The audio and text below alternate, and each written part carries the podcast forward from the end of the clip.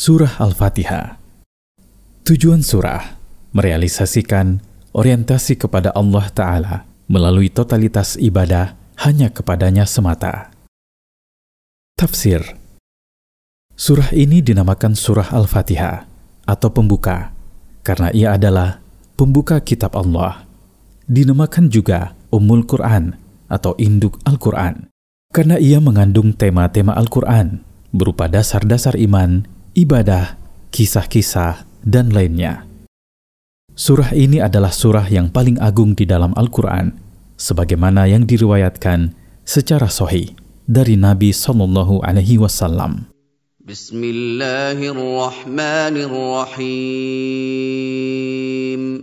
Aku memulai seraya memohon pertolongan kepada Allah untuk membaca, yang Maha Pengasih lagi Maha Penyayang. Adalah dua nama di antara nama-nama Allah Ta'ala yang berakar pada kata Ar-Rahmah. Yang keduanya menunjukkan kesempurnaan rahmat dan keluasannya, yang dengannya Allah bersifat di mana rahmat Allah meliputi segala sesuatu dan mencakup semua makhluk hidup. Apa pun nikmat yang ada pada makhluk adalah wujud dari rahmatnya, dan rahmat Allah yang paling agung dan paling sempurna adalah untuk orang-orang mukmin. Alamin. Pujian yang sempurna hanya untuk Allah Azza wa Jalla pada zat, sifat-sifat, dan perbuatan-perbuatannya. Karena Allah adalah pencipta makhluk seluruhnya, pemilik dan pengatur urusan-urusan mereka, pengayom mereka dengan nikmat-nikmatnya yang umum dan yang khusus. Yang maha pengasih lagi maha penyayang.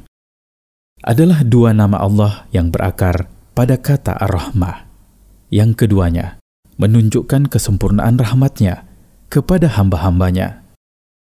Dan rahmat Allah yang paling agung adalah untuk hamba-hambanya yang mukmin.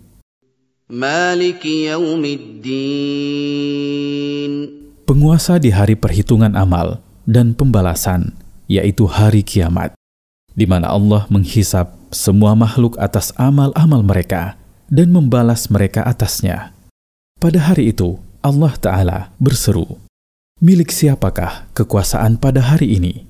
Surah Ghafir ayat 16 Tidak ada seorang pun yang menjawab setinggi apa pun kedudukannya. Saat itu Allah Ta'ala sendiri yang menjawab hanya milik Allah yang Maha Esa lagi Maha mengalahkan. Surah Ghafir ayat 16. Iyyaka na'budu wa iyyaka nasta'in. Kami menghususkanmu semata dengan berbagai macam ibadah dan ketaatan.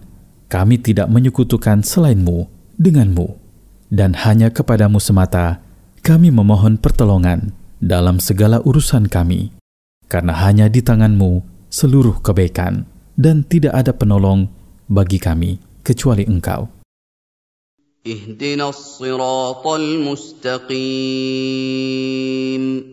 Bimbinglah dan berilah kami taufik untuk meniti jalan lurus, yaitu jalan Islam yang tidak ada kebengkokan padanya, dan teguhkanlah kami di atasnya. صراط الذين أنعمت عليهم غير المغضوب عليهم ولا الضالين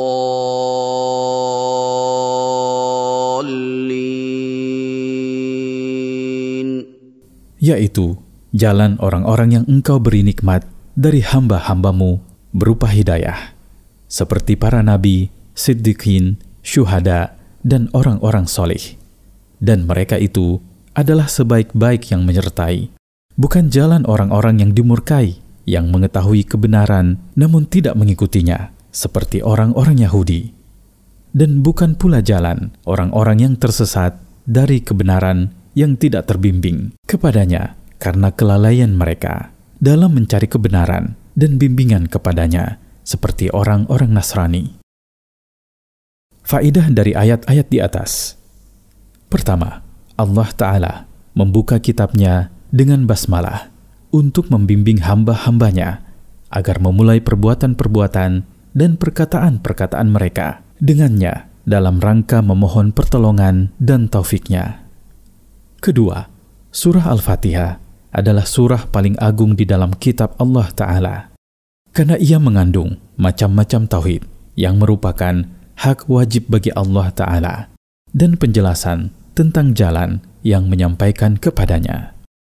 Ketiga, pujian dan sanjungan yang paling sempurna hanya bagi Allah Ta'ala semata, karena Dia adalah Tuhan makhluk-makhluk seluruhnya yang telah mengadakan mereka, mengatur urusan-urusan mereka, dan mengayomi mereka dengan nikmat-nikmatnya. Keempat, surah ini menunjukkan bahwa kesempurnaan iman hanya terwujud dengan mengikhlaskan ibadah kepada Allah Ta'ala dan memohon pertolongan kepadanya semata, bukan kepada selainnya. Kelima, seorang Muslim wajib mewaspadai jalan orang-orang Yahudi yang dimurkai dan jalan orang-orang Nasrani yang tersesat.